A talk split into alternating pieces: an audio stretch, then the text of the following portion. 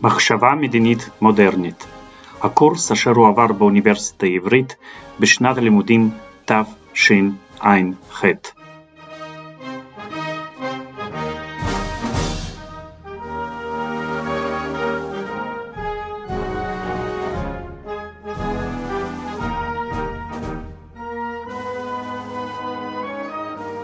ערב טוב, אנחנו ממשיכים עם המהפכה האמריקאית ובפעם האחרונה אני עצרתי בתומאס פיין. תומאס פיין בכלל היה במוצאו אנגלי וכבר בגיל יחסית מבוגר הוא הכיר את אחד המנהיגים של המושבות האמריקאיות בנג'מין פרנקלין שבזכות ההיכרות הזאת עם פרנקלין פיין מחליט uh, לעזוב את העולם הישן ולהגר באמריקה והוא מגיע לשם בדיוק בזמן בשנת 1774 והוא ממש התלהב מהעולם החדש שבכלל מבחינתו לא היה דומה לעולם הרקוב של אירופה. ובעצם פיין האנגלי uh, הופך לאחד הדוברים הנלהבים ביותר שמטיפים לעצמאות של המושבות האמריקאיות. ובינואר 1776 הוא מפרסם פמפלט ובו הוא טוען שאין דרך חזרה והוא יוצא נגד המתונים שעדיין רוצים אולי להגיע לאיזשהו הסדר עם בריטניה. הפמפלט נקרא common sense, השכל הישר, ומיד זוכה לפופולריות גבוהה מאוד ומשחק תפקיד חשוב בשכנוע של הקונגרס שמתכנס יותר מאוחר אותה שנה להצביע בעד העצמאות. אם כי אה, רבים ממנהיגי המהפכה האמריקאים די ביקרו את פיין כי אמנם הם הסכימו עם הדעות שלו אבל הם דחו את הרטוריקה שלו.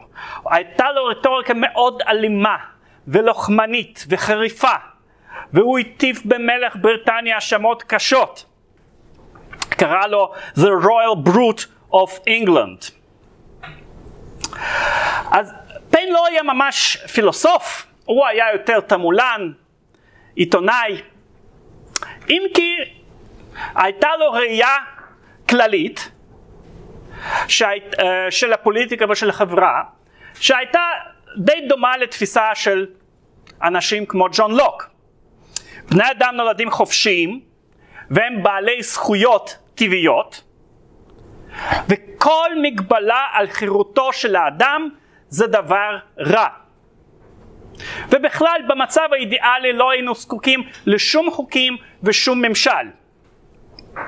היינו חיים בחופש מוחלט תוך כיבוד הדדי של זכויות של כל אחד. ולרוע מזל אה, בני אדם אינם מסוגלים להתקיים בחברה רק על בסיס של מידות מוסריות ולכן יש צורך מסוים בממשלה ובחוקים. אבל כל ממשלה זה דבר רע. אפילו אם זה רע הכרחי. ולכן חשוב מאוד להקפיד שהכוח שאנחנו נותנים לממשלה לא יגביל את החופש שלנו מעבר לנדרש.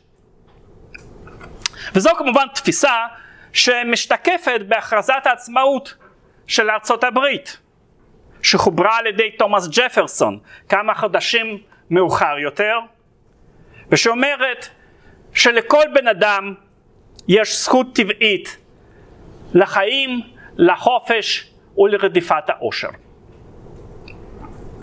אבל איך אפשר להבטיח את השמירה על הזכויות הטבעיות? ולדעתו של פיין ושל רבים אחרים באותה תקופה, הדרך להבטיח, להבטיח זאת היא להפוך את הממשלה תלויה לגמרי בציבור האזרחים. ולכן פיין יוצא בביקורת נוקבת נגד חוקת בריטניה, שרבים באותו זמן ראו בה דוגמה של חופש ושל מתינות. אבל הבעיה עם חוקת בריטניה, אומר פיין, זה ששניים מזרועות הממשל שלה בכלל לא תלויים בעם. המלך והאצולה בבית הלורדים שולטים בזכות הירושה, ולא בזכות המנדט שמגיע מהעם. וזה לא טוב.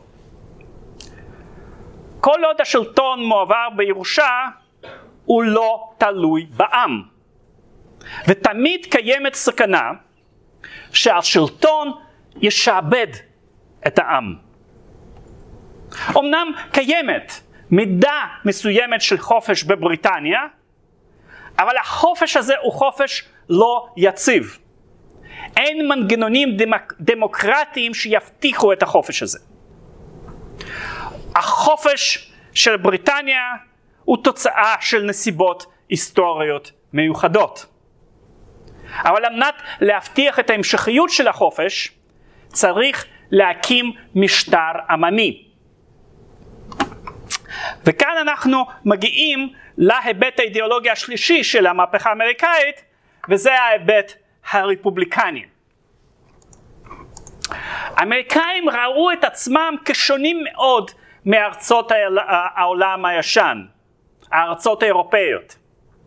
הארצות האירופאיות היו מלוכות והיו מבוססות על אי שוויון מעמדי. לעומת זאת, בעולם החדש הייתה מתהווה חברה שבאופן פורמלי לא היו בה מעמדות. חברה בלי אצולה מתוקף הירושה. כמובן שהתקיים אז יוצא מן הכלל אה, חשוב מאוד, אה, והחברה האמריקאית לא הייתה לגמרי שוויונית. אה, הייתה שם אוכלוסייה של עבדים שחורים, והבעיה הזאת לא נפתרה במהפכה, והמשיכה לרדוף את אמריקה עוד עשרות שנים. אבל מלבד זאת, לא היו הבדלי מעמדות בין תושבי המושבות. והמצב הזה של היעדר מעמדות ממוסדים, הפך את החברה האמריקאית בעיני התושבים שלה לחברה רפובליקנית. והתחושה הייתה שאמריקה ראויה למשטר רפובליקני. משטר שמבוסס על השתתפות פעילה של האזרחים בשלטון. מונטסקיה היה אחד ההוגים הפופולריים ביותר באותה תקופה באמריקה, והאמריקאים למדו ממנו על כמה עקרונות של המשטר הרפובליקאי. רוסו אולי היה פחות ידוע, אבל גם רוסו השפיע על חלק ממנהיגי המהפכה, כמו למשל תומאס ג'פרסון. גם מבחינה תרבותית והיסטורית, האמריקאים השוו את ארצם למה שהם ראו כרפובליקה המוצלחת ביותר עד כה, הרפובליקה הרומית. ואפילו המינוח הפוליטי הרומי חדר עמוק אל תוך התרבות הפוליטית האמריקאית. הבית העליון של הקונגרס נקרא סנאט. מה זה סנאט? זה גוף שלטוני חשוב ברפובליקה הרומית. המקום שבו אה, ממוקם הקונגרס נקרא גבעת הקפיטול. מה זאת גבעת הקפיטול? זו גבעה שעליה הוקמה רומא. אז זה היסוד הרפובליקני במחשבה האמריקאית. אז לסכם את מה שעד כה אמרתי על המהפכה האמריקאית, אפשר להבחין בין שלושה היבטים רעיוניים של המהפכה האמריקאית. ההיבט הפרוטסטנטי רדיקלי שמתבטא בחתירה להקמה של חברה חדשה, מוסרית ונוצרית, שמבוססת על סובלנות בין כיתות, בין כתות דתיות שונות. שנית, ההיבט של חירות שמתבטא בעיקרון של זכויות טבעיות ובראיית הממשל כמופקד על שמירה על הזכויות האלה. וההיבט הרפובליקני שמתבטא בחתירה לשוויון אזרחי ולהשתתפות העם בשלטון. עכשיו, אמ, ועכשיו נעבור לשלב השני במהלך המהפכה. עד כה אני דיברת על מרד, על הסיבות למרד ועל הצידוקים למרד. אבל אחרי שהמרד הצליח, האמריקאים היו צריכים לבנות משטר משלהם. ושנה אחת לאחר הכרזת העצמאות ב-1777, הקונגרס ניסח חוקה של המדינה החדשה. והחוקה נקראה סעיפי הקונפדרציה. היא אושררה על ידי כל המדינות ונכנסה לתוקף ב-1781. ואלה שניסחו את החוקה הזאת היו רפובליקאים מושבעים. הם, מר, הם מרדו נגד משטר מלוכני מרוחק, וכמובן שהם רצו לבנות משהו אחר. לקבל משטר שבו העם שולט בעניינים שלו. לכן הם נמנעו מהקמה של ממשל מרכזי אה, חזק. אמנם הוקם גוף שאיחד בין כל המדינות, הגוף הזה נקרא קונגרס, אבל מרכז הכובד הפוליטי והשלטוני נשאר בתוך המדינות עצמן. כי המהפכנים האמריקאים לא רצו להקים ממשל מרכזי חזק. הם רצו לאפשר לעם להיות קרוב לשלטון. והבעיות לא איחרו לבוא. קודם כל, בעיה כספית. האמריקאים ניצחו במלחמה, אבל הם יצאו מהמלחמה עם קופה ריקה וחובות גדולים. ולרפובליקה חדשה לא היה כל כך כסף לשלם לחיילים. והיו מקרים של מרידות בקרב החיילים, שלא קיבלו משכורת במשך חודשים. והמרידות האלה כמובן סיכנו את הרפובליקה. ולא היה קיים גוף מרכזי שיכול היה לטפל ביעילות בנושא הכספי הזה. חוץ מזה, מדינות שונות התחילו לנהל מדיניות, מדיניות חוץ משלהם, ולעיתים קרובות התעלמו מהקונגרס. הם ניהלו דיפלומטיה נפרדת, כרתו חוזים, הפרו התחייבויות של הקונגרס, ומהר מאוד התברר שהחוקה פשוט לא עובדת. שאולי צריך לתקן משהו. ואז הוצע לכנס ועידה מיוחדת של נציגים של כל המדינות, שהתפקיד שלה היה להציע תיקונים מסוימים לסעיפי הקונפדרציה. בסדר, אמרו, תת, אה, תתכנסו, תציעו לנו משהו. ואז, ב-1787, נציגי כל המדינות מתכנסים בפילדלפיה ומתחילים בדיונים. אבל הם מחליטים שכל הדיונים יתנהלו מאחורי דלתיים סגורות. במשך מספר חודשים הציבור, הציבור פשוט לא יודע מה קורה בוועידה. היא מסתיימת בספטמבר 1787, וכאשר היא מפרסמת את ההצעה שלה, ההצעה הזאת נופלת כרעם ביום בהיר. כי בעצם הוועידה מבצעת מחטף פוליטי. במקום להציע תיקונים לחוקה הקיימת, היא פשוט מציעה לאמץ חוקה אחרת לגמרי. חוקת ארצות הברית של אמריקה. והדבר החשוב והמרכזי באותה חוקה זה הקמה של ממשל מרכזי. ממשל שמורכב משלושה זרועות. הזרוע המבצעת, הנשיא, הזרוע המחוקקת, הקונגרס שמורכב משני בתים, והזרוע השופטת. ולפי ההצעה הזאת, ארצות הברית היא רפובליקה פדרלית.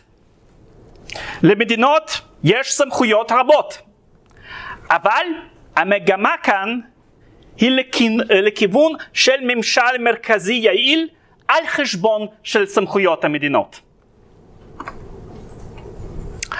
ולוועידת פילדלפיה לא הייתה שום סמכות לאשר את החוקה. היא רק יכלה להציע את השינוי הזה.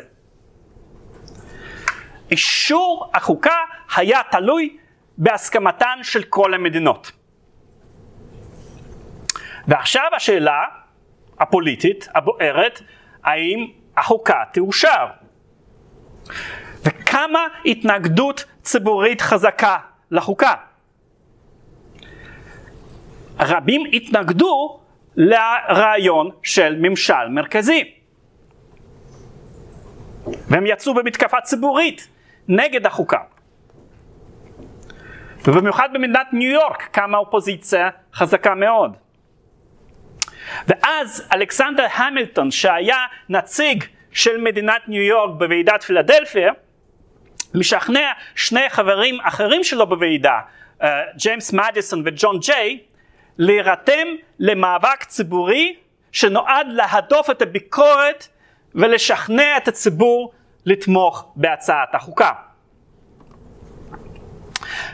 ושלושת האנשים האלה מתחילים לפרסם מאמרים בעיתון,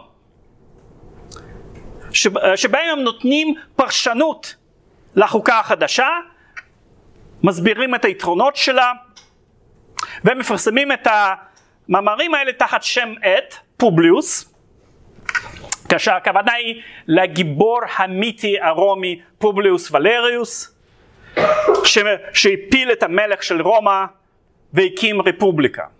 והאנשים האלה אומרים, אוקיי, תראו, אנחנו הולכים עכשיו לבנות רפובליקה טובה ויציבה כמו שהייתה הרפובליקה הרומית.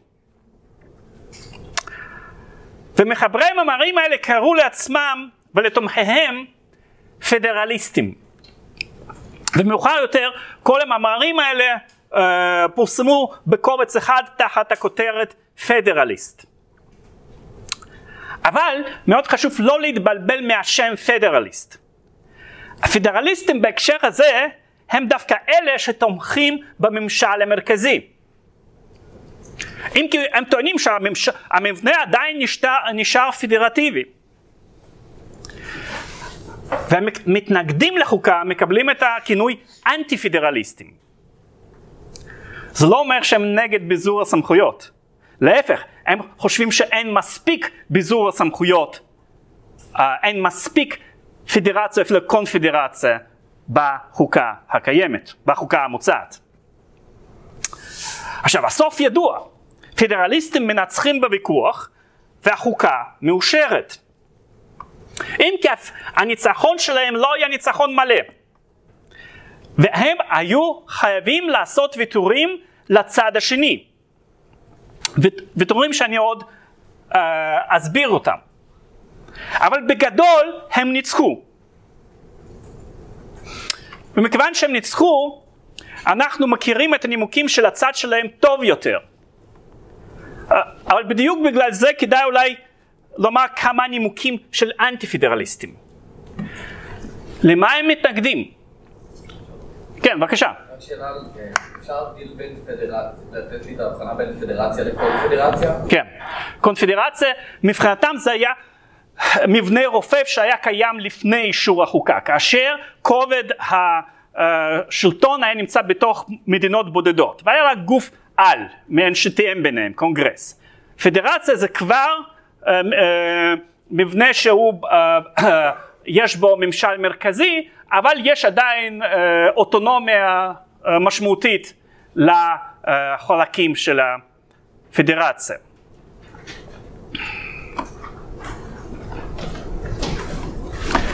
האנטי פדרליסטים התנגדו לתפקיד הנשיא, הזכיר להם מלך,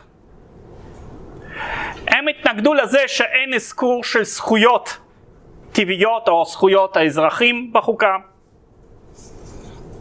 הם התנגדו למשקל רב יותר של הרשות השופטת שעלולה לדכא את העם כמו שהשופטים מטעם המלך קודם.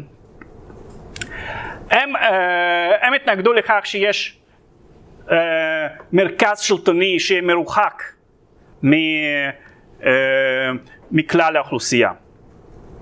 הם אמרו, אנחנו נלחמנו נגד הפרלמנט הבריטי על מנת שנקים מעלינו איזשהו פרלמנט מרוחק שיחוקק חוקים עבורנו.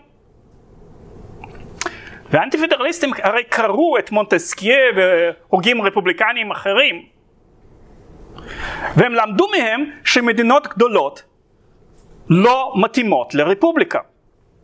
שרפובליקה חייבת להיות מדינה קטנה. שבה לכל בן אדם יש אפשרות להשפיע ולהשתתף בשלטון. מדינה גדולה, לפי התפיסה הזאת, בהכרח תהפוך למלוכה ותדכא את השוויון. אז אנטי פדרליסטים הציגו את עצמם כמגינים על הערכים הרפובליקניים. ועל מנת לנצר בוויכוח, פדרליסטים גם הם היו צריכים להראות שהם רפובליקנים. ושהממשל שהם מציעים עדיין ממשל, ממשל רפובליקני. אולי אפילו עוד יותר רפובליקני מאשר הממשל של אנטי פדרליסטים. ועל מנת, uh, ועל מנת להבין את התשובה של פדרליסטים, צריך שוב להיזכר בטענות של מונטסקיה על המשטר הרפובליקני. לפי מונטסקיה, אופיו של כל משטר נגזר מהאופי של עם. הרפובליקה מתאימה לבני אדם לא מושחתים. בני אדם שלא רודפים אחר, אחר האינטרס האישי. בני אדם שדואגים לטובת הכלל.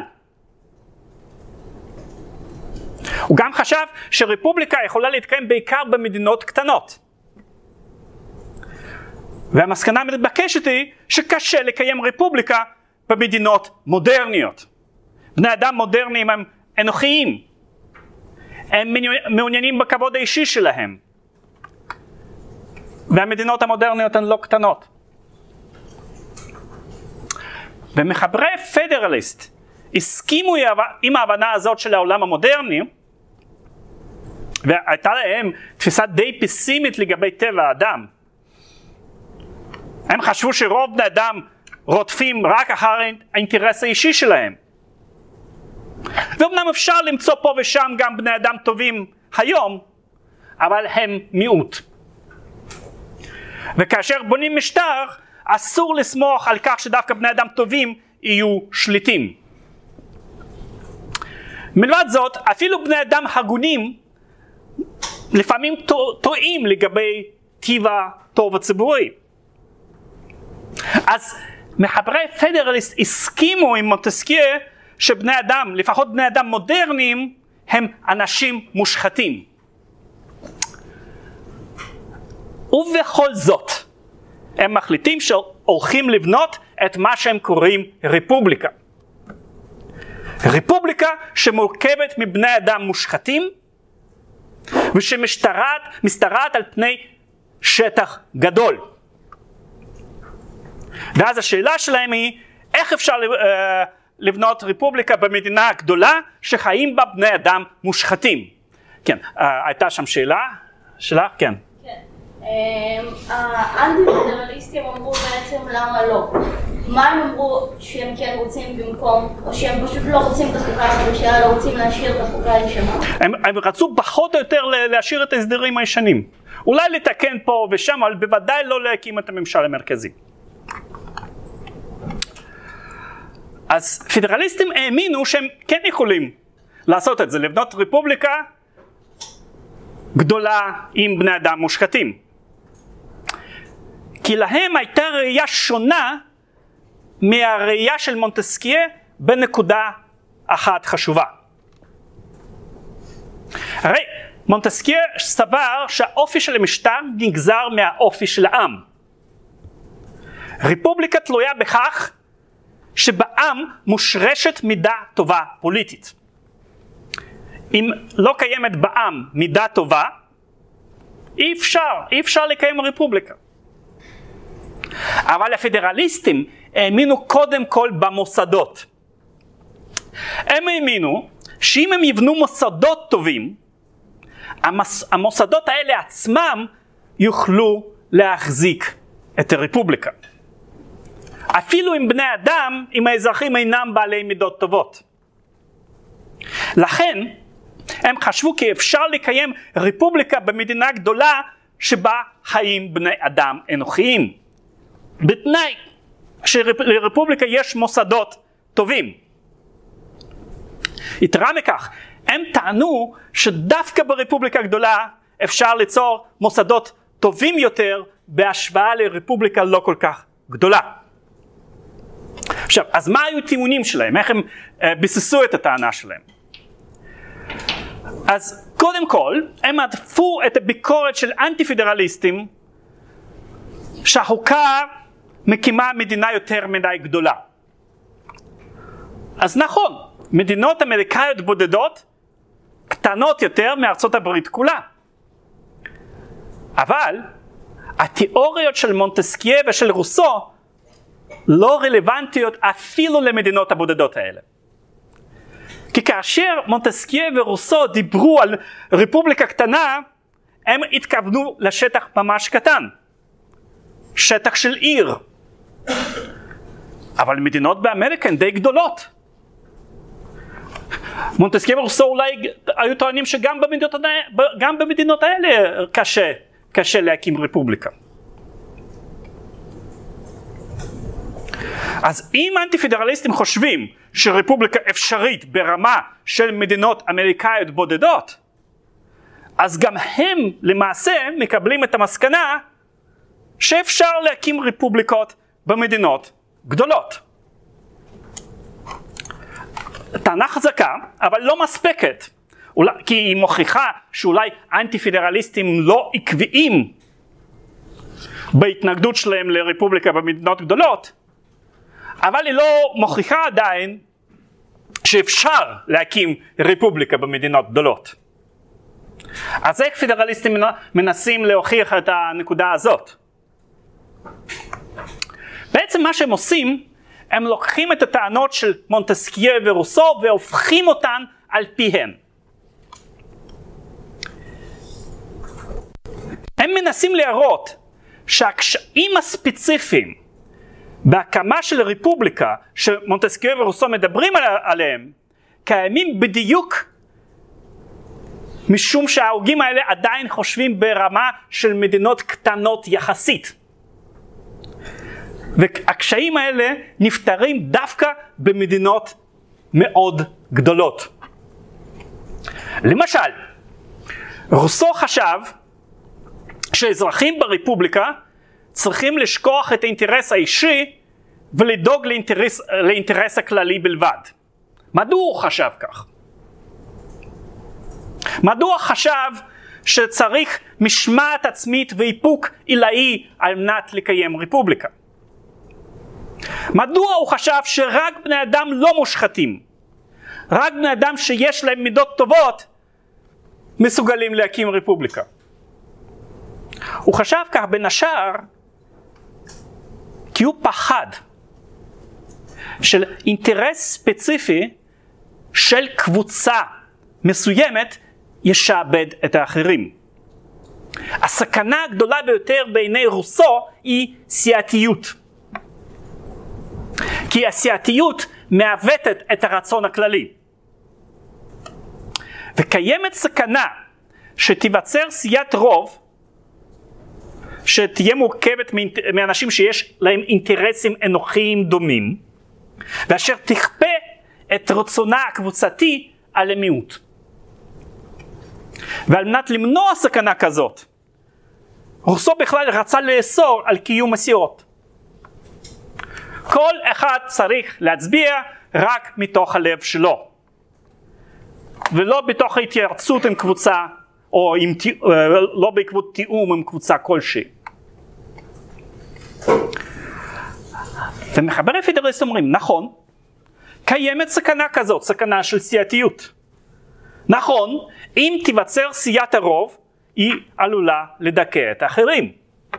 נכון, בני אדם מודרניים נוטים לרדוף אחר האינטרס האישי, ולכן הם נוטים להתארגן לסיעות.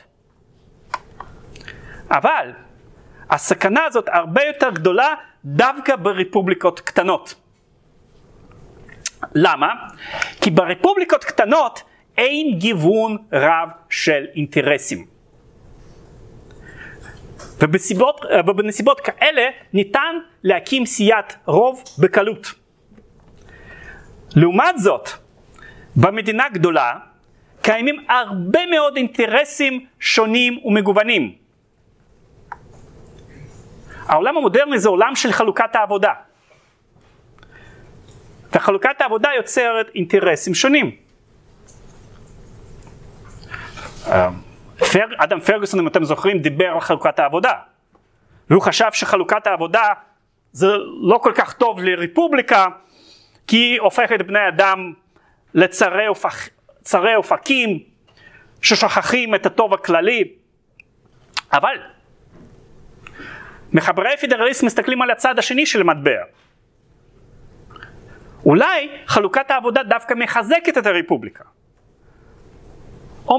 אמנם היא יוצרת מצב שבני אדם מרגישים את עצמם מנוכרים מהאינטרס הכללי, אבל היא גם יוצרת מצב שבו קשה לבני אדם אנוכיים להתארגן. אז נכון שכל אחד רודף אחר האינטרס האישי שלו, אבל קשה לקבוצה של בני אדם להתארגן לרוב. כי האינטרסים של אזרחים הם כל כך שונים וכל כך מגוונים. והדבר היחיד שנשאר להם במשותף זה מה שיש במשותף לכולם, הטוב הציבורי. לכן דווקא ברפובליקה גדולה הנזקים של סיעתיות קטנים יותר. ברפובליקה הקטנה של רוסו סיעתיות זה באמת סכנה. ולכן רוסו רוצה לדכא את הסיעתיות. לאסור על הסיעתיות, אבל לאסור על הסיעתיות זה לבטל את החירות. כי בני אדם נוטים ורוצים להתארגן לסיעות על מנת לקדם את האינטרסים שלהם. אבל במדינה גדולה אין צורך באיסור דרקוני על התארגנות לסיעות. הסיעות לא כל כך מזיקות, כי שום סיעה לא תצליח להפוך לרוב יציב. יתרה מכך, כל מדינה מודרנית, קטנה ככל שתהיה, היא לא קטנה מספיק על מנת שבה כל האזרחים יוכלו להשתתף בשלטון. אז תמיד צריך לבחור נציגים. עכשיו, כאשר המדינה מספיק גדולה, קיים בה מאגר גדול יותר של בני אדם שמתוכם אפשר לבחור. ומכיוון שמידה טובה זאת לא תכונה שכיחה כל כך בעולם המודרני, קל יותר למצוא בני אדם מתאימים, בני, בני אדם שדואגים לגבי הטוב הכללי, מתוך מאגר רחב יותר של בני אדם. חוץ מזה, אם הנציג נבחר על ידי קבוצה גדולה של בני אדם, הוא יהיה פחות קשור לאינטרסים פרטיים של כל אחד מהם. לכן הוא יהיה חופשי יותר לחשוב על טובת הכלל. אז דווקא במדינה הגדולה ממשל הנציגים עובד טוב יותר. והסכנה של קריסת הרפובליקה גוברת דווקא במדינה קטנה יותר. ממשל הנציגים יהיה פחות יציב דווקא בתוך המדינות הבודדות שמרכיבות את ארצות הברית. ודווקא הקיום של ממשל מרכזי עשוי להציל את המבנה הרפובליקני בתוך אותן המדינות. כי במקרה של סכנה הממשל המרכזי יכול להתערב ולהגן על החופש הפוליטי.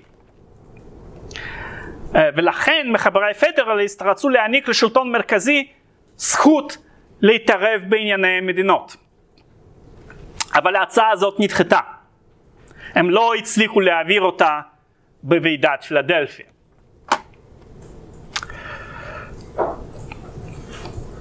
אז הטענה הזאת, טענה שבמדינה גדולה יותר קיים סיכוי רב יותר שיבחרו נציגים טובים, מובילה אותנו לסוגיה של ייצוג פוליטי. או יותר נכון לסוגיה של חיבור בין ייצוג פוליטי לחופש פוליטי. עד סוף המאה ה-18 אלה שדגלו בחופש פוליטי התייחסו בחשדנות רבה מאוד כלפי מכשיר הייצוג. הרי לפי אריסטו למשל, בחירות זה מכשיר אריסטוקרטי. מכשיר שמנציח שלטון של אותה אליטה. ודווקא הוגים אנטי רפובליקנים כמו הופס אהבו להשתמש במושג של ייצוג, representation. הופס אומר שהריבון, נניח המלך, הוא הנציג של העם. והוא אומר את זה בדיוק על מנת שהוא יוכל לפסוק שלעם עצמו לא צריך להיות חלק בשלטון. ובניגוד להופס, ההוגה הרפובליקני העקבי ביותר, רוסו, מתייחס בחשדנות לכל נושא הייצוג, לפחות בתחום החקיקה. פרלמנט נבחר זה לא משהו שיכול לבטא את הרצון הכללי. להפך, פרלמנט שמורכב מנציגים נבחרים מעוות את הרצון הכללי. הוגים רפובליקניים אחרים, יותר פרגמטיים מרוסו, לא שללו לגמרי את הפרלמנט של נציגים,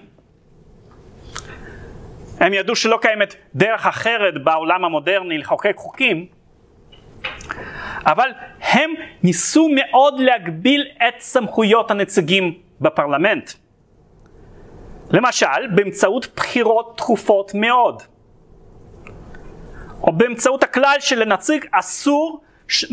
לסטות מהקו, מהמנדט שהבוחר נתן לו. או באמצעות כך שפרלמנט יהיה העתק אה, מדויק של הרכב החברה. למשל, אם בחברה מסוימת חיים 20% סוחרים, אז 20% מחברי פרלמנט צריכים להיות סוחרים. וכך אפשר לקוות שהחלטות הפרלמנט יהיו דומות ל... אה, לאילו החברה כולה הייתה מקבלת את ההחלטה. אז איפה בוויכוח הזה נמצאים מחברי הפדרליסט? הם נמצאים איפשהו באמצע. מצד אחד הם רפובליקנים. הם חושבים שנציגי העם צריכים להיות כפופים לעם ולדאוג לטובת הכלל. אבל מצד שני הם לא רוצים שהנציגים יהיו מוגבלים מדי. הם רוצים שלנציגים יהיה שיקול דעת. דווקא משום שמחברי פדרליסט חושבים שבני אדם מודרניים הם רודפי אינטרסים אישיים, חשוב להם שהנציגים לא יהיו תלויים בכל רצון רגעי של הבוחר. כי דווקא הנציגים עשויים לדאוג טוב יותר לאינטרס העממי מאשר העם כולו בעצמו. והרי זה בדיוק מה שהם עשו בוועידת פילדלפיה. הם קיבלו מנדט להציע תיקונים לחוקה, אבל הם הפעילו שיקול דעת והחליטו להציע חוקה חדשה לגמרי. זה לא אומר שהם הפכו לשליטים אוטוריטריים. כי לאחר שהם ניסחו את החוקה, הם היו צריכים לבוא לעם ולשכנע את העם לש... לאשר את החוקה. אז מצד אחד הנציג נשאר כפוף לציבור, אבל מצד שני הוא גם אמור להפעיל שיקול דעת. וכאן התרומה הייחודית של אנשי פדרליסט למחשבה הפוליטית המודרנית. כי הם היו בין הראשונים ששילבו בין תפיסת עולם רפובליקנית שמבוססת על חופש פוליטי לממשל של נציגים בעלי שיקול דעת רחב. והיכולת של הפדרליסטים להציע משנה סדורה בדבר ממשל הנציגים, אה, כמו גם הצלחה בתפקוד של הרפובליקה האמריקאית בעשורים הבאים, שכנעו את הרפובליקנים שממשל הנציגים לא סותר את הערכים הרפובליקניים. אולי להפך, מחזק אותם בעולם המודרני. וכך צומח הרעיון המודרני של ממשל הנציגים. אז מחברי פדרליסט חשבו שניתן להקים רפובליקה במדינה גדולה. אבל הם היו ריאליסטים. אמנם בממשל הנציגים, ברפובליקה הגדולה, יש סיכוי רב יותר שעלו לשלטון בני אדם ראויים, אבל זה לא תמיד יקרה. והשאלה היא, איך אפשר למנוע את המצב שבכל זאת אינטרסים אנוכיים יגברו ויהרסו את הרפובליקה. שהממשל המרכזי ייפול בידי סיעה מסוימת של תכפה את רצונה על כל השאר. והפדרליסטים טענו שגם לבעיה הזאת קיים פתרון בחוקה החדשה. פתרון מוסדי. פתרון של איזונים ובלמים. איזונים ובלמים שפועלים בשני מישורים.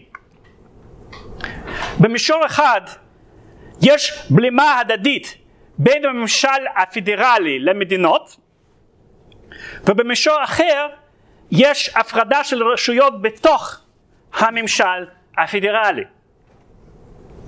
רשות מחוקקת, רשות מבצעת ורשות שופטת. והן לא רק מופרדות, אלא גם יכולות להשפיע זו על זו. ולכן הן גם מסוגלות לאזן זו את זו. למשל אם בית הנבחרים מקבל החלטה שפוגעת באינטרסים של מדינות קטנות, סנאט יכול לדחות את ההחלטה. כי בסנאט יש ייצוג שווה לכל מדינה. אם הקונגרס כולו מחוקק חוק בעייתי, נשיא יכול להטיל וטו. אם הנשיא ממנה בני אדם לא ראויים, הסנאט יכול לדחות את המינויים. והרשות השופטת מפקחת על חוקיות הפרוצדורה בזרועות האחרים של הממשל. אז זו שיטת האיזונים והבלמים המפורסמת. וזה פתרון מוסדי לשאלה של איך לשמור על חופש פוליטי. הפתרון הזה מונע מקבוצה מסוימת לצבור כוח רב מדי שיאפשר לה לכפות את רצונה על האחרים.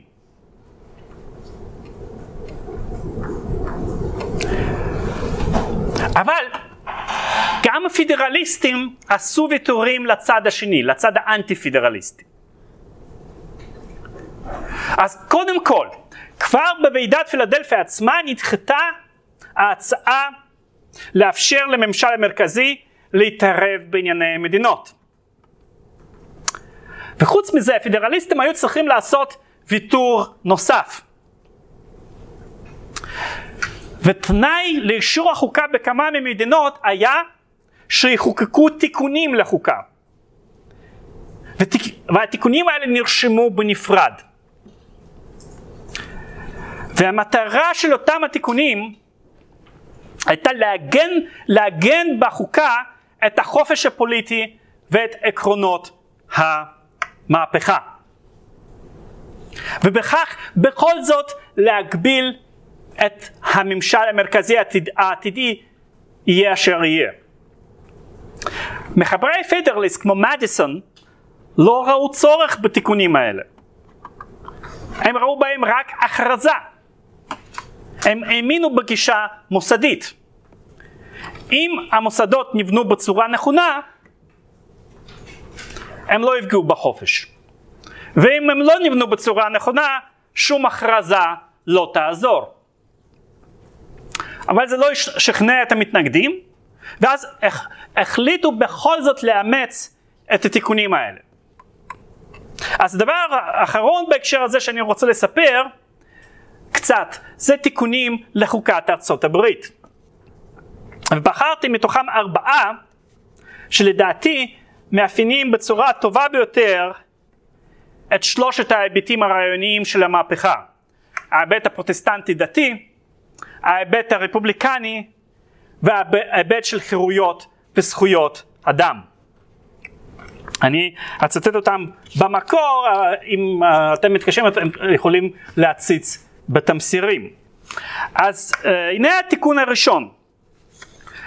Congress shall make no law respecting an establishment of religion or prohibiting the free exercise thereof, or abridging the freedom of speech or of the press, or the right of the people peacefully to assemble and to petition the government for redress of grievances.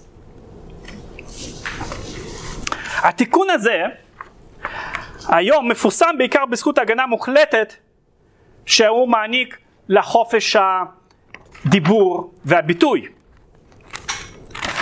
אבל הנושא הראשון שלו הוא נושא של חופש הדת והמצפון. ודרישת חופש הדת משקפת את ההיבט הפרוטסטנטי של המהפכה.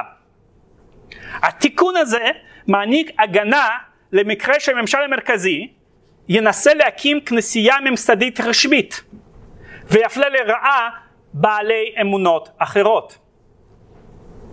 בדומה למה שפרלמנט הבריטי נהג לעשות.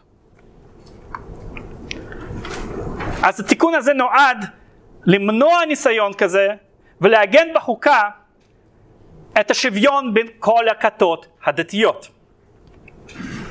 אוקיי, התיקון השני. A well-regulated militia being necessary to the security of a free state the right of the people to keep and bear arms shall not be infringed. וזה היסוד הרפובליקני של המהפכה. כי ראינו כבר שבמחשבה הרפובליקנית הזכות לשאת נשק קשורה באופן ישיר עם חופש פוליטי. ראינו את זה כבר אצל מקיאוולי ואצל פרגוסון. אבל לדעתי שני התיקונים המעניינים ביותר הם התיקון החמישי והשישי. והמטרה שלהם היא למנוע מהממשל לפגוע בזכויות האדם הבסיסיות, בחיים, בחופש וברכוש. ומכיוון שהמכשיר המסוכן ביותר, ביותר שנמצא בידי מדינה חופשית כביכול, הוא מכשיר של החוק הפלילי. המטרה העיקרית של שני התיקונים האלה היא להגן על האזרח הפרטי מפני העריצות של המנגנון הפלילי. אז התיקון החמישי. No person shall be held to answer for a capital or otherwise infamous crime unless on a presentment or indictment of a grand jury, except in cases arising in the land or naval forces or in the militia when in actual service in time of war or public danger. Nor shall any person be subject for the same offense to be twice put in jeopardy of life or limb nor shall be compelled in any criminal case to be a witness against himself, nor be deprived of life, liberty, or property without due process of law, nor shall private property be taken for public use without just compensation. The in all criminal prosecutions, the accused shall enjoy the right to a speedy and public trial by impartial jury of the state and district wherein the crime shall have been committed, which district shall have been previously ascertained by law, and to be informed of the nature and cause of the accusation, to be confronted with the witnesses against him, to have compulsory process for obtaining witnesses in his favor, and to have the assistance of counsel for his defense. אז עכשיו, מה, מה שקראתי עכשיו בשני התיקונים האלה, זה בעצם תורת המשפט הליברלי על רגל אחת. תורת המשפט שהמטרה שלה היא לשים עד כמה שיותר סייגים על אפשרות של הרשעה של בן אדם חף מפשע. הסייגים האלה לא הומצאו על ידי אמריקאים. חלקם היו כבר קיימים בחוק המקובל הבריטי. אבל דווקא אמריקאים הדגישו אותם כעיקרון חוקתי. אחד הסייגים האלה הוא חבר המושבעים. כבר ב-1215 מלך אנגליה נתן התחייבות לאצילים שלו, להתחייבות ש... והתחייבות שקוראים אמנה גדולה, מגנה קארטה. ושם נכתב שאף אחד לא יכול להישפט אלא על ידי העמיתים שלו, peers. זאת אומרת, לכל בן אדם יש זכות להישפט, להישפט רק על בני אדם, על ידי בני אדם רגילים ששווים לו במעמד חברתי. ומכאן בא המוסד של חבר המושבעים. שהמטרה שלו היא למנוע משפט לא הוגן. משפט שהמדינה תנהל באמצעות הפקידים שלה.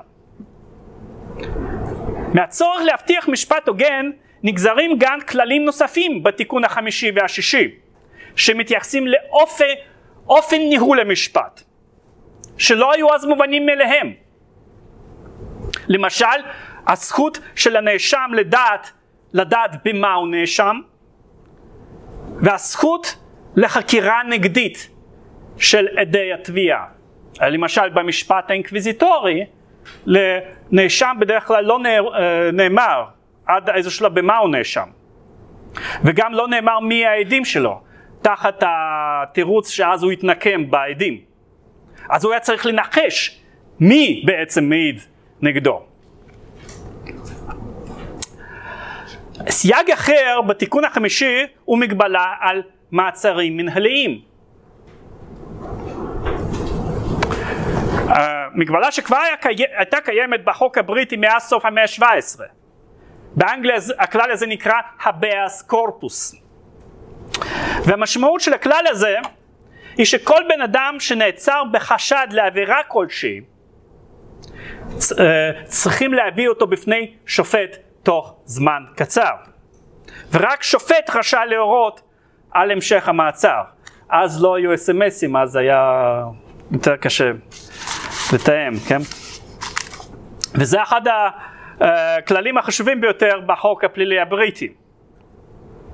אם כי במקרי חירום, ממשלות בריטניה, אפילו של ארצות הברית, נהגו להקפיא את הכלל הזה.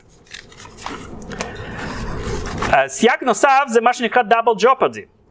זאת אומרת, אסור לשפוט אותו אדם פעמיים על אותו פשע.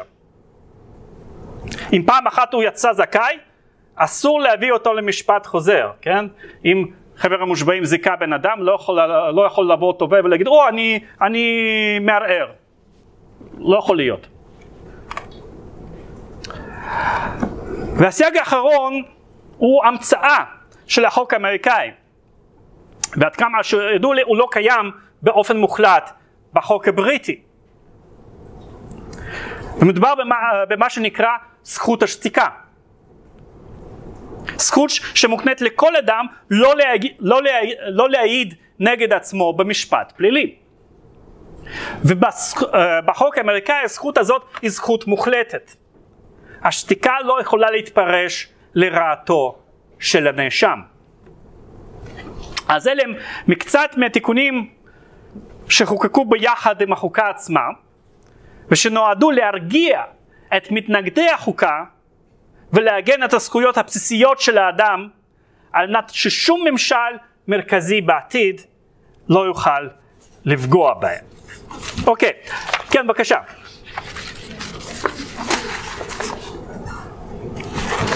אה, טוב, איך ספציפית מישהו הצדיק זכות אה, שתיקה, אני צריך להסתכל, כמובן יש המון טקסטים, אבל יש, אה, יש היגיון, כי הרי את ההודעה אפשר להוציא ב... באמצעים שהם לא כשרים. אה, עינויים, הפחדות, דברים כאלה. אפשר להטיל בן אדם בכל מיני תחבולות. ובכלל, התפקיד של הוכחה הוא לא מוטל על הנאשם, התפקיד של הוכחה מוטל על הצד התובע. אני לא חייב להוכיח את חפותי, אני חייב, התביעה או מי שתובע חייבים להוכיח את אשמתי. ואי אפשר לטרטר אותי, ב- להזמין אותי ולהגיד אוקיי עכשיו אתה תשב כאן שנה ותתן לנו את כל העדות, אני לא רוצה. את, אתם רוצים להאשים אותי אז תוכיחו, תאספו את החומר. אני כמובן יכול לוותר על זכות השתיקה, אבל למה, לא, אף אחד לא יכול להכריח אותי להעיד.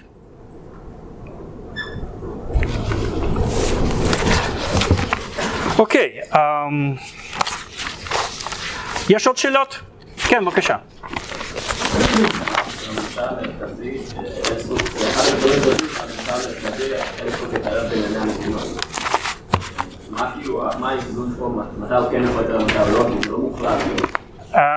לא, יש פשוט חלוקה של, חלוקה של סמכויות, על מה מופקד הממשלה. בוודאי שלא, כמו בתחום של חינוך, עד עכשיו. לא. יש דברים שהממשל לא יכול להתערב. עכשיו, במקרים מסוימים, כשזה נוגע נניח לזכויות הבסיסיות וכלליות, בית משפט פדרלי נטל לעצמו איזושהי זכות לקבוע גם אה, את הכללים עבור, עבור כל המדינה. כן, כן, אבל לא ברמה, לא ברמה של ממשל. יש, דבר, יש דברים שלא לא יכולים, אה, שהם ענייני מדינות. כן. לפי העיקרון של הדאבל ג'פרדי, אפילו אם מישהו שוחרר כמובן, ואז מופיעים איזה ראיות חדשות, עדיין אפשר? עדיין אפשר. עדיין, אפילו אם הוא מודה בקולו שהוא אשם, זה כבר מאוחר מדי. מה שכן אפשר לעשות, וזה מה שאפשר, זה דבר שלפעמים משחק, משחקים על הנקודה הזאת בכל מיני סרטים אמריקאים, שאם אה, לא האשימו אותו באיזושהי עבירה אחרת, אז אפשר להביא אותו למשפט בעבור אותה עבירה אחרת, אבל לא, לא על אותה עבירה. אם פעם אחת בן אדם זוכה זה, אה, זה הכל, כי אחרת זה, זה לא נגמר, זה עינוי דין.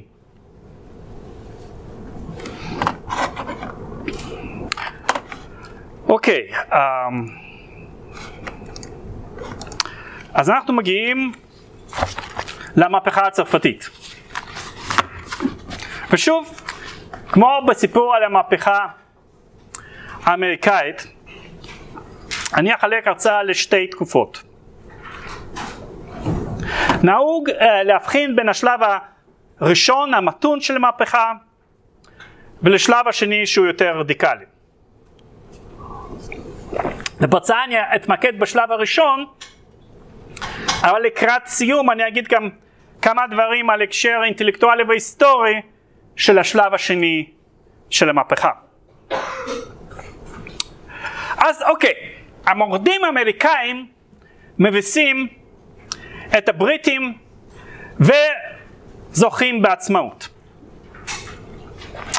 ובמידה לא מבוטלת, הם מנצחים בזכות התמיכה הצבאית והכספית של בעלי הברית שלהם ובראשן צרפת. מלך צרפת, לואי ה-16, השקיע די הרבה במלחמה הזאת. אבל ההצעה, התוצאה של ההשקעה הזאת הייתה uh, גירעון ציבורי ענק. ובשנת 1800, 1786 ראש ממשלה הגיע למלך ואמר לו שהכסף בקופה אזל ושצריך דחוף לטפל במצב. ובמקרים דומים בעבר, מה, מה היה נהוג לעשות? היה נהוג להעלות מיסים.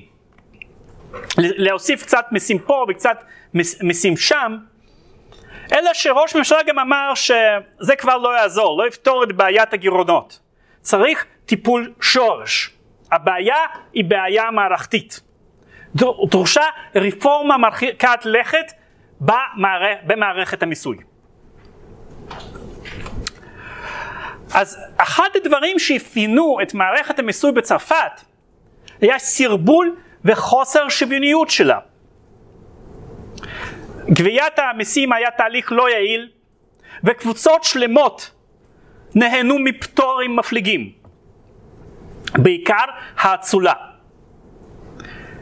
לאורך שנים המלכים של צרפת גזלו מהאצולה את שרידי העצמאות הפוליטית שלה וריכזו את העוצמה הזאת בידיהם, אבל בתמורה הם המשיכו להכיר בפריבילגיות של האצולה, כולל הזכות לא לשלם מיסים מסוימים.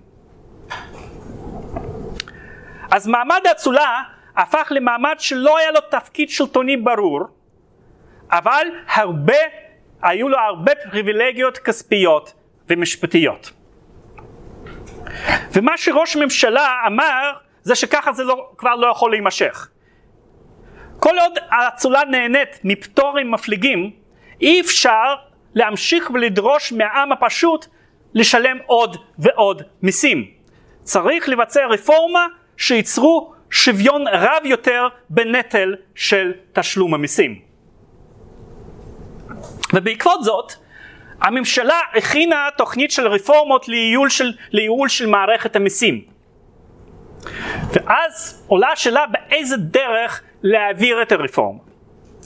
ונהוג היה שכל מס חדש עובר תהליך של רישום בפרלמנט של פריז. פרלמנט של פריז היה בעצם בית משפט עתיק, שחברות בו הקנתה תואר אצולה. והמלך ידע שהפרלמנט של פריז לא יסכים להעביר רפורמה כזאת. והוא חיפש דרך לעקוף את הפרלמנט של פריז. וב-1787 הוא כינס אספה של אצילים בתקווה שהיא תקנה לגיטימיות לרפורמות. ונציגי האצולה שהתכנסו אכן הכירו בצורך להפוך את מערכת המיסוי ליותר שוויונית והיו מוכנים להתפשר. אבל הם חששו שהרפורמה הזאת תהיה רק שלב ראשון בתהליך של ביטול של כל הפריבילגיות המסורתיות שלהם. כמובן, היה להם אינטרס לשמור על הפריבילגיות, אבל הם גם האמינו בתפיסה מעין זו של אה, מונטסקיה.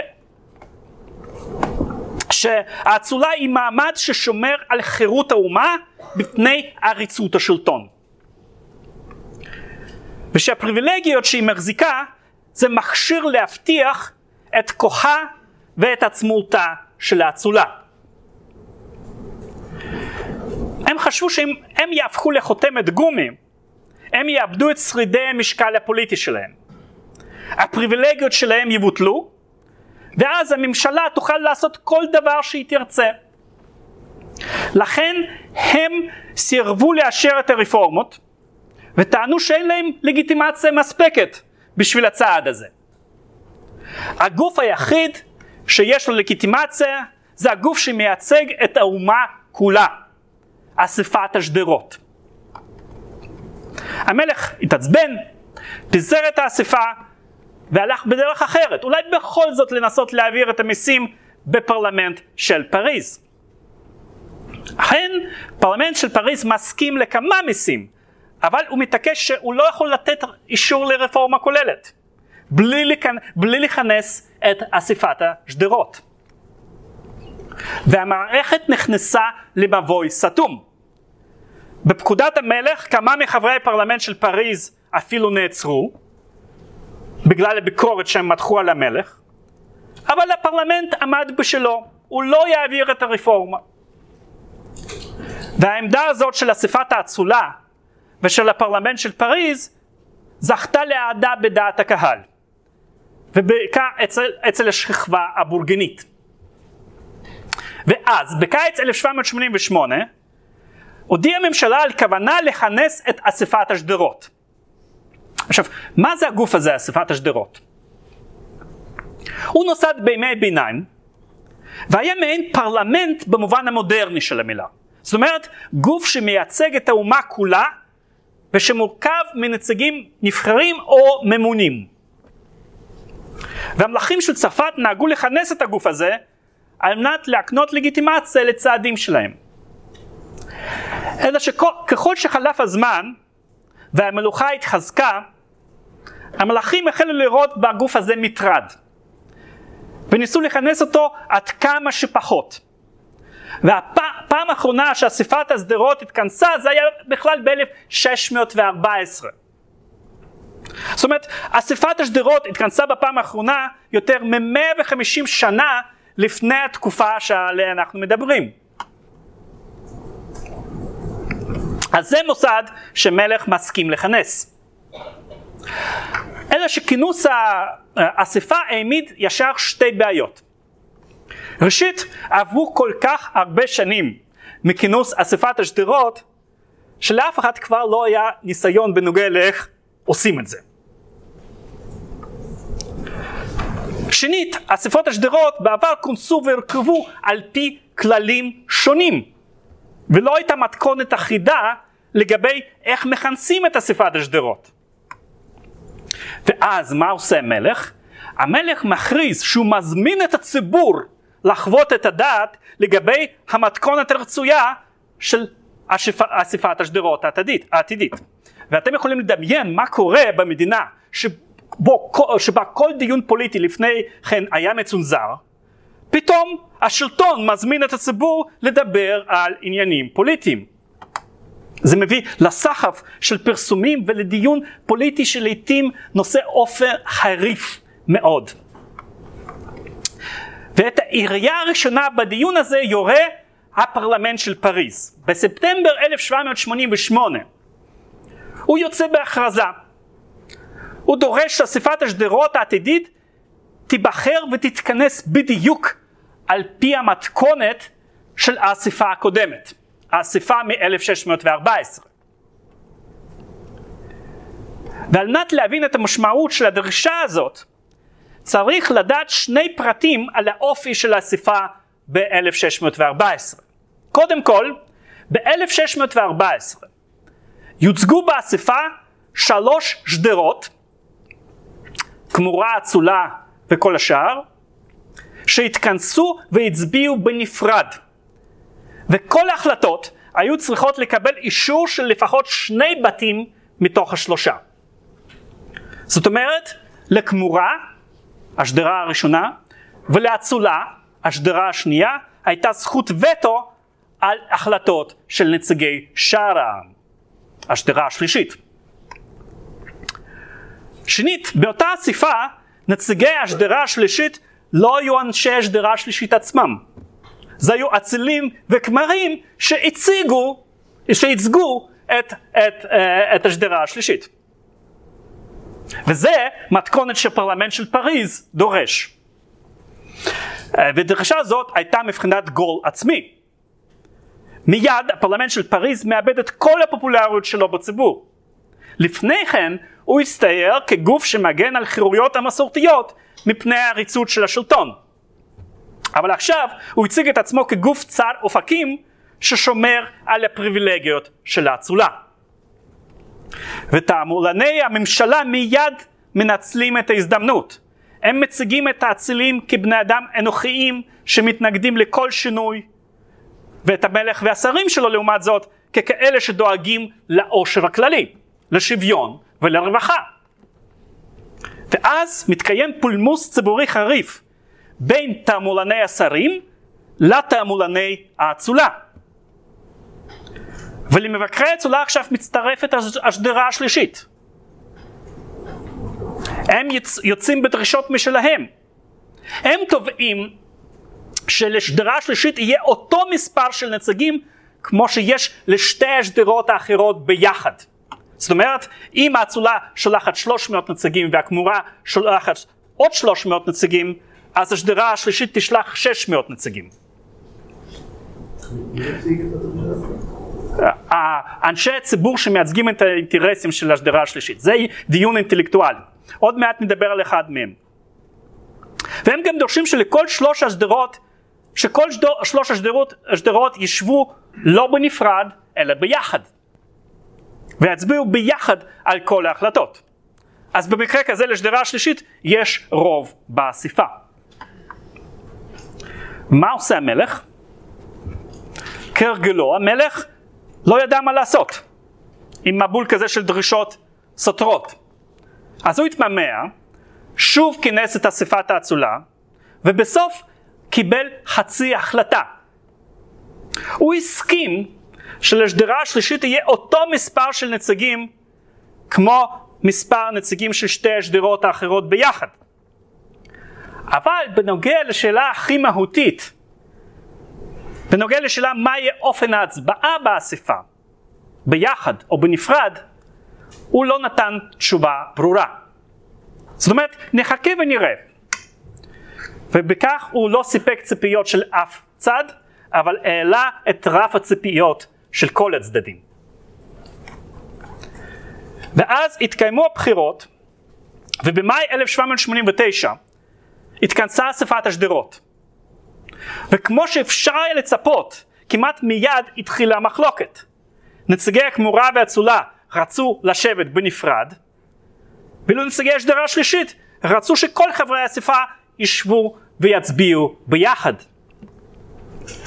המלך ביקש מהאספה לדון בסוגיית הגירעון, אבל נציגי השדרה השלישית סירבו לדון בכל נושא עד שיוסדר העניין העקרוני. ולנוכח המחלוקת הזאת, הממשלה שוב לא עשתה כלום במשך כמה שבועות. הרוחות התלהבו, ובסוף המלך בא עם הצעת פשרה משלו. הוא יצא שכל הצדדים ישלחו, ישלחו את הטענות שלהם אליו לבוררות והוא יחליט את מה שיחליט. והשדרה השלישית תופסת את ההצעה הזאת כעלבון.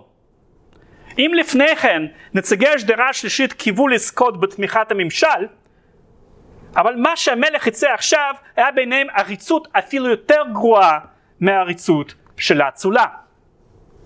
ובינתיים נציגי השדרה השלישית הם כבר הכריזו על עצמם כאספה לאומית, כאספה שמייצגת את האומה, ושתפקידה לכתוב חוקה עבור צרפת. והם הזמינו את נציגי שתי השדרות האחרות להצטרף אליהם. ולנוכח ההתנגדות של המלך, חברי האספה הלאומית נשבעו שלא להתפזר עד שישלימו את עבודתם. הם כבר לא סמכו על המלך, אלא רק על עצמם. המלך נסוג והורה לכל נציגי האצולה והכמורה לשבת ביחד עם השדרה השלישית. וכך למעשה הוא הכיר באספה הלאומית. אבל לאט לאט גברו החשדות שהמלך בעצם מתכוון לפזר את האספה בכוח. נפוצו הידיעות על תגבור כוחות הצבא מסביב לוורסאי, ששם התכנסה האספה. וביולי המלך פיטר את השר הרפורמיסטי שלו שתכנן את כינוס האספה, ז'אק נקר. הציבור חשד שהמלך מתכנן הפיכה לטובת האצולה. וכתוצאה מהפחדים האלה פרץ מרד מזוין בפריז, שבמרכזו היה קרב על בית הסוהר המרכזי, פסטיל. כי לפי שמועות, חברי האספה הלאומית היו אמורים להישלח לבסטיל. והמרד בפריז שם קץ לכל ניסיון של הפיכת נגד. אם היה, אם היה ניסיון כזה. עכשיו, סמכות האספה הלאומית הייתה בלתי מעורערת. אבל מצד שני, נהיה ברור שלאספה הלאומית אין כוח משלה. מעכשיו היא תלויה ברצונם הטוב של אלה שהגנו עליה. מהם זה ההמון הפריזאי. והרבה מההחלטות העתידיות של האספה התקבלו על ידיה תחת הלחץ מצד דעת הקהל הפריזאי. בין ההחלטות החשובות של האספה הלאומית היו הכרזה על זכויות האדם והאזרח והכרזה על ביטול הפריבילגיות של האצולה. האספה תפקדה כשנתיים, וב-1791 היא אישרה חוקה חדשה. החוקה הזאת הפכה את צרפת למלוכה חוקתית. הגוף המחוקק הראשי היה אמור להיות אספה מחוקקת נבחרת, והמלך אמור היה להיות ראש הרשות המבצעת עם סמכויות רחבות, כולל זכות הווטו על החוקים שתחוקק החקוקה, האספה.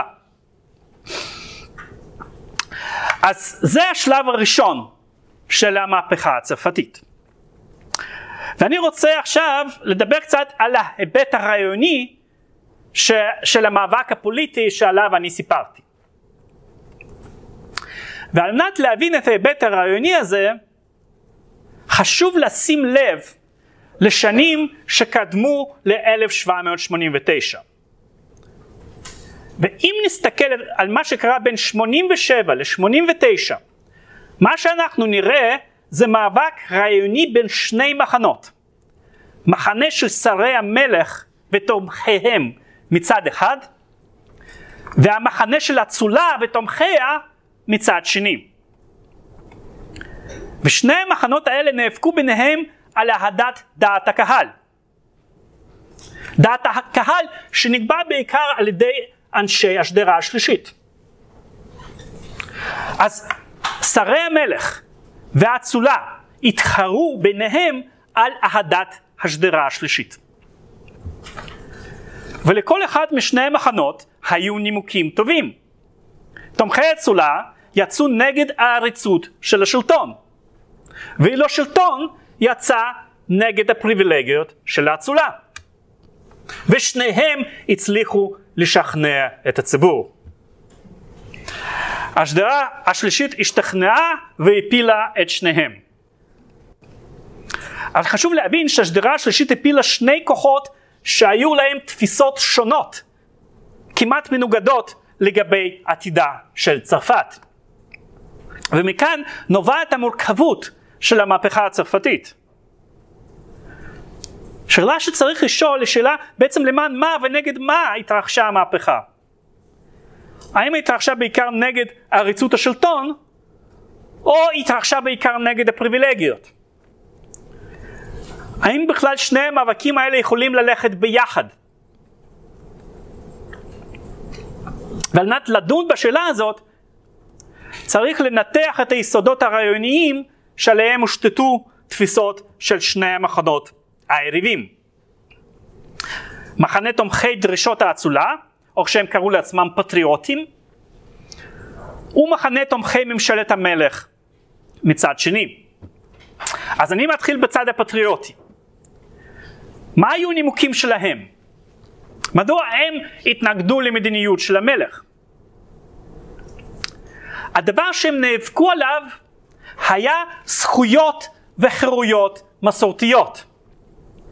הם רצו שלטון מלוכני מוגבל, מתון, הם לא רצו שלטון אבסולוטי, הם דגלו במלוכה על פי התיאור של מונטסקייה.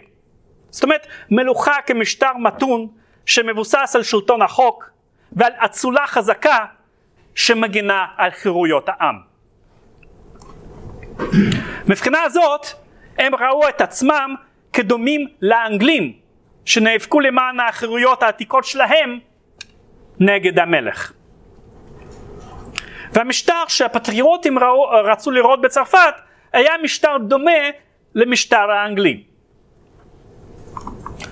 הם שיחקו במגרש הרעיוני שהיה מבוסס על הסיפור שלפיו מדובר כאן במאבק בין חירויות האזרחים מצד אחד לעריצות הממשל מצד שני. ובמגרש הרעיוני הזה עמדת האצולה כמובן זכתה לאהדה ציבורית. עכשיו, אילו המגרש הזה היה המגרש היחיד, המהפכה בצרפת הייתה יכולה להיות דומה למהפכה באנגליה או באמריקה. אבל בצרפת הוויכוח על החירויות המסורתיות לא היה הוויכוח הבלעדי. כי הדיון הפוליטי. התנהל גם במגרש אחר. הוויכוח על הזכויות לא היה נושא עיקרי של הפוליטיקה הצרפתית. אמנם נושא זה נהיה חשוב כמה שנים לפני המהפכה, אבל הוויכוח החשוב וגם ישן יותר היה קשור לנושא אחר. זה היה ויכוח על אחדות האומה. ובמגרש הזה דווקא לשרים ולמלך היה יתרון.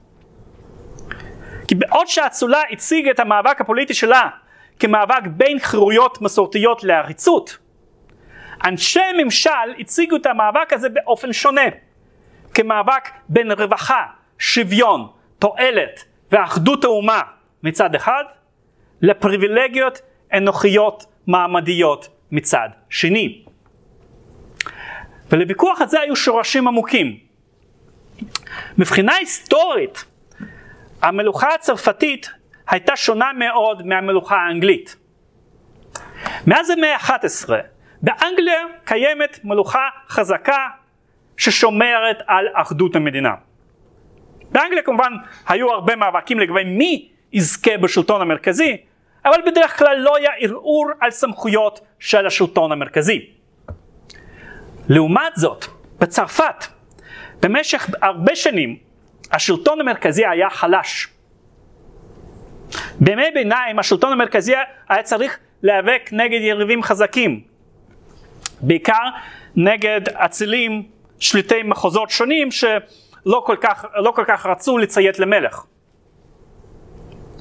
או במאה ה-16 מלחמת דת כמעט קורעת את צרפת לגזרים.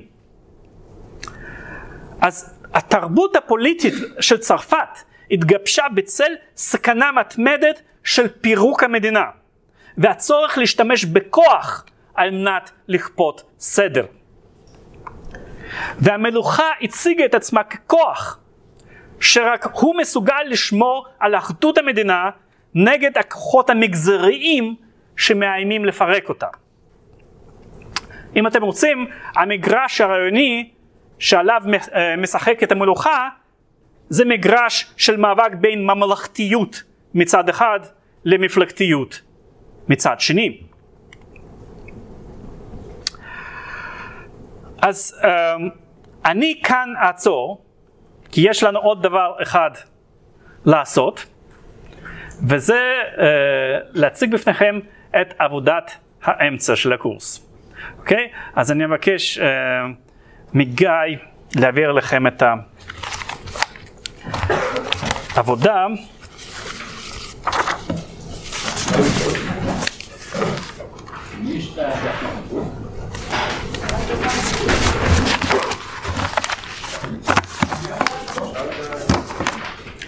אפשר מה?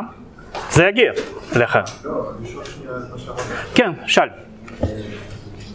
המלך והשרים הציגו את המאבק בין שמירה לחירויות מסורתיות. בין רעיונות, בין שוויון, רווחה, אחדות, תועלת, לפריבילגיות אנוכיות של מגזר האצולה.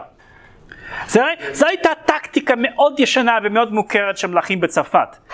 הם נהגו לאורך שנים ל, אה, לשחק אה, כך, להפנות את אה, זעם של השדרה השלישית נגד האינטרסים הממוסדים, נגד האצולה למשל. כן? אז פשוט רצו לחזור על אותו תרגיל. זה לא יצא בפעם הזאת, אבל uh, זו לא פעם ראשונה שעשו את זה. אוקיי, okay, אז uh, אני אגיד כמה דברים כלליים, כמובן תרגיש חופשים לשאול עכשיו שאלות כלליות. Uh, אתם מוזמנים אחר כך לבוא אלינו, במיוחד לגיא, שיבדוק את העבודות שלכם, uh, ולדבר יותר uh, בפירוט, לקבל uh, עצות יותר מפורטות. אז כפי שאתם רואים, יש לכם שתי שאלות. אתם צריכים לבחור רק שאלה אחת ולכתוב עליה מסה יחסית קצרה, עד אלפיים מילים. מבחינת הדרישות הפורמליות אתם צריכים לקרוא את הספרות הראשונית שרלוונטית אה, לשאלה, לצטט אותה בגוף העבודה כשצריך, ולהשתמש לפחות במקור משני אחד. ולכל uh, אחד uh, מהנושאים אנחנו נתנו, הצענו לכם שמונה מק, uh, מקורות משניים. אתם יכולים לקרוא כמה שאתם רוצים, אפילו uh, יותר, אבל תצטטו לפחות ממקור משני אחד.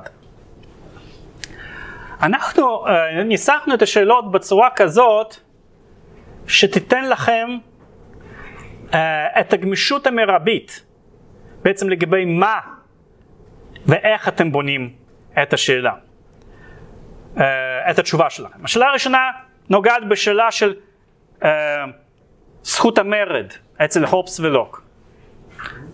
יש לא מעט היבטים שאפשר uh, לדבר עליהם בהקשר הזה. הצדקה של המרד, סיבות למרד, מה שאתם רוצים. גם בעניין הקניין הפרטי אפשר להתמקד במקור של הקניין הפרטי, אפשר להתמקד בהצדקה של הקניין הפרטי, אפשר להתקיים בתפקיד של הקניין הפרטי. אנחנו בכוונה ניסחנו את שאלות קצת במועם כדי שיהיה לכם הרבה יותר חופש בחירה של איך אתם כותבים את זה. כי מה שאני רוצה לראות, ואני אקרא מדגמים, אני רוצה הרבה עבודות שונות. מה שאני לא רוצה זה עבודה קבוצתית. ואני לא מתכוון ברמה של פלגיאט והעתקה, אני אומר אפילו ברמה של התייעצות יותר מדי אינטנסיבית. כי הרי אמ, אתם אמ, מכירים את אפקט ההמון.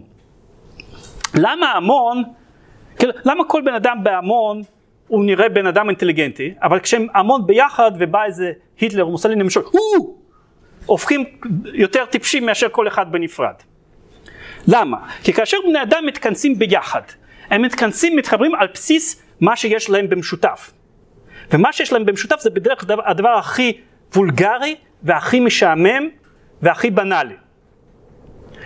הדברים הכי שמפנים את האדם בצורה הכי טובה זה דברים שייחודים רק לו. ככל שבן אדם חושב בצורה יותר אינדיבידואלית, כך הוא עושה עבודה הרבה יותר טוב ויותר מעניין. העבודה רוחנית, אינטלקטואלית, במיוחד בתחומים ההומניים, היא עבודה אינדיבידואלית. ככל שאתם מתייעצים יותר מדי, אתם הופכים להמון. ואז העבודות שלכם נראות בהתאם, משעממות. אז לא לבנות מעשה משותף על מכנה משותף, אני רוצה לראות את המגוון, את האינדיבידואליות, את היצירתיות, את החשיבה. עדיף עבודה מעניינת, קצת עילגת, מאשר עבודה מלוטשת, משעממת. Uh, וכמובן uh, שגם אם אתם כותבים עבודה מלוטשת ומשעממת, אבל בהתאם לסטנדרטים, אנחנו כמובן לא נוריד לכם ציון על כך. אבל זאת תקווה, זאת תקווה שלי שאנחנו נזכה לקרוא עד כמה שיותר עבודות uh, מעניינות. זה דבר כללי שרציתי לומר לכם. יש... כן, בבקשה. לחזור על אחד מהדרישות, אמרת שחובה להשתמש במקור אחד משני, ספציפי מהרשימה שאתה שמת? מהרשימה שאני שמתי. אוקיי, אם אתה רוצה להשתמש במקור נוסף, אז אתה צריך לקבל אישור אה, מיוחד ממני. אוקיי? Okay. Okay? אתה מצאת מאמר טוב, אל תצא מאמרים בעברית. למה אני אומר לך? אין לי שום דבר נגד מאמרים בעברית. לא אוקיי.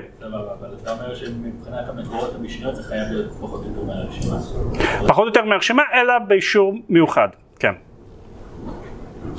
עוד שאלות? אוקיי, אז אני מאחל לכם בהצלחה. יש לכם שלושה שבועות להגיש את העבודה הזאת. בשיעור הבא אנחנו נסיים את המהפכה הצרפתית ונדבר על אדמונד ברק. תודה רבה.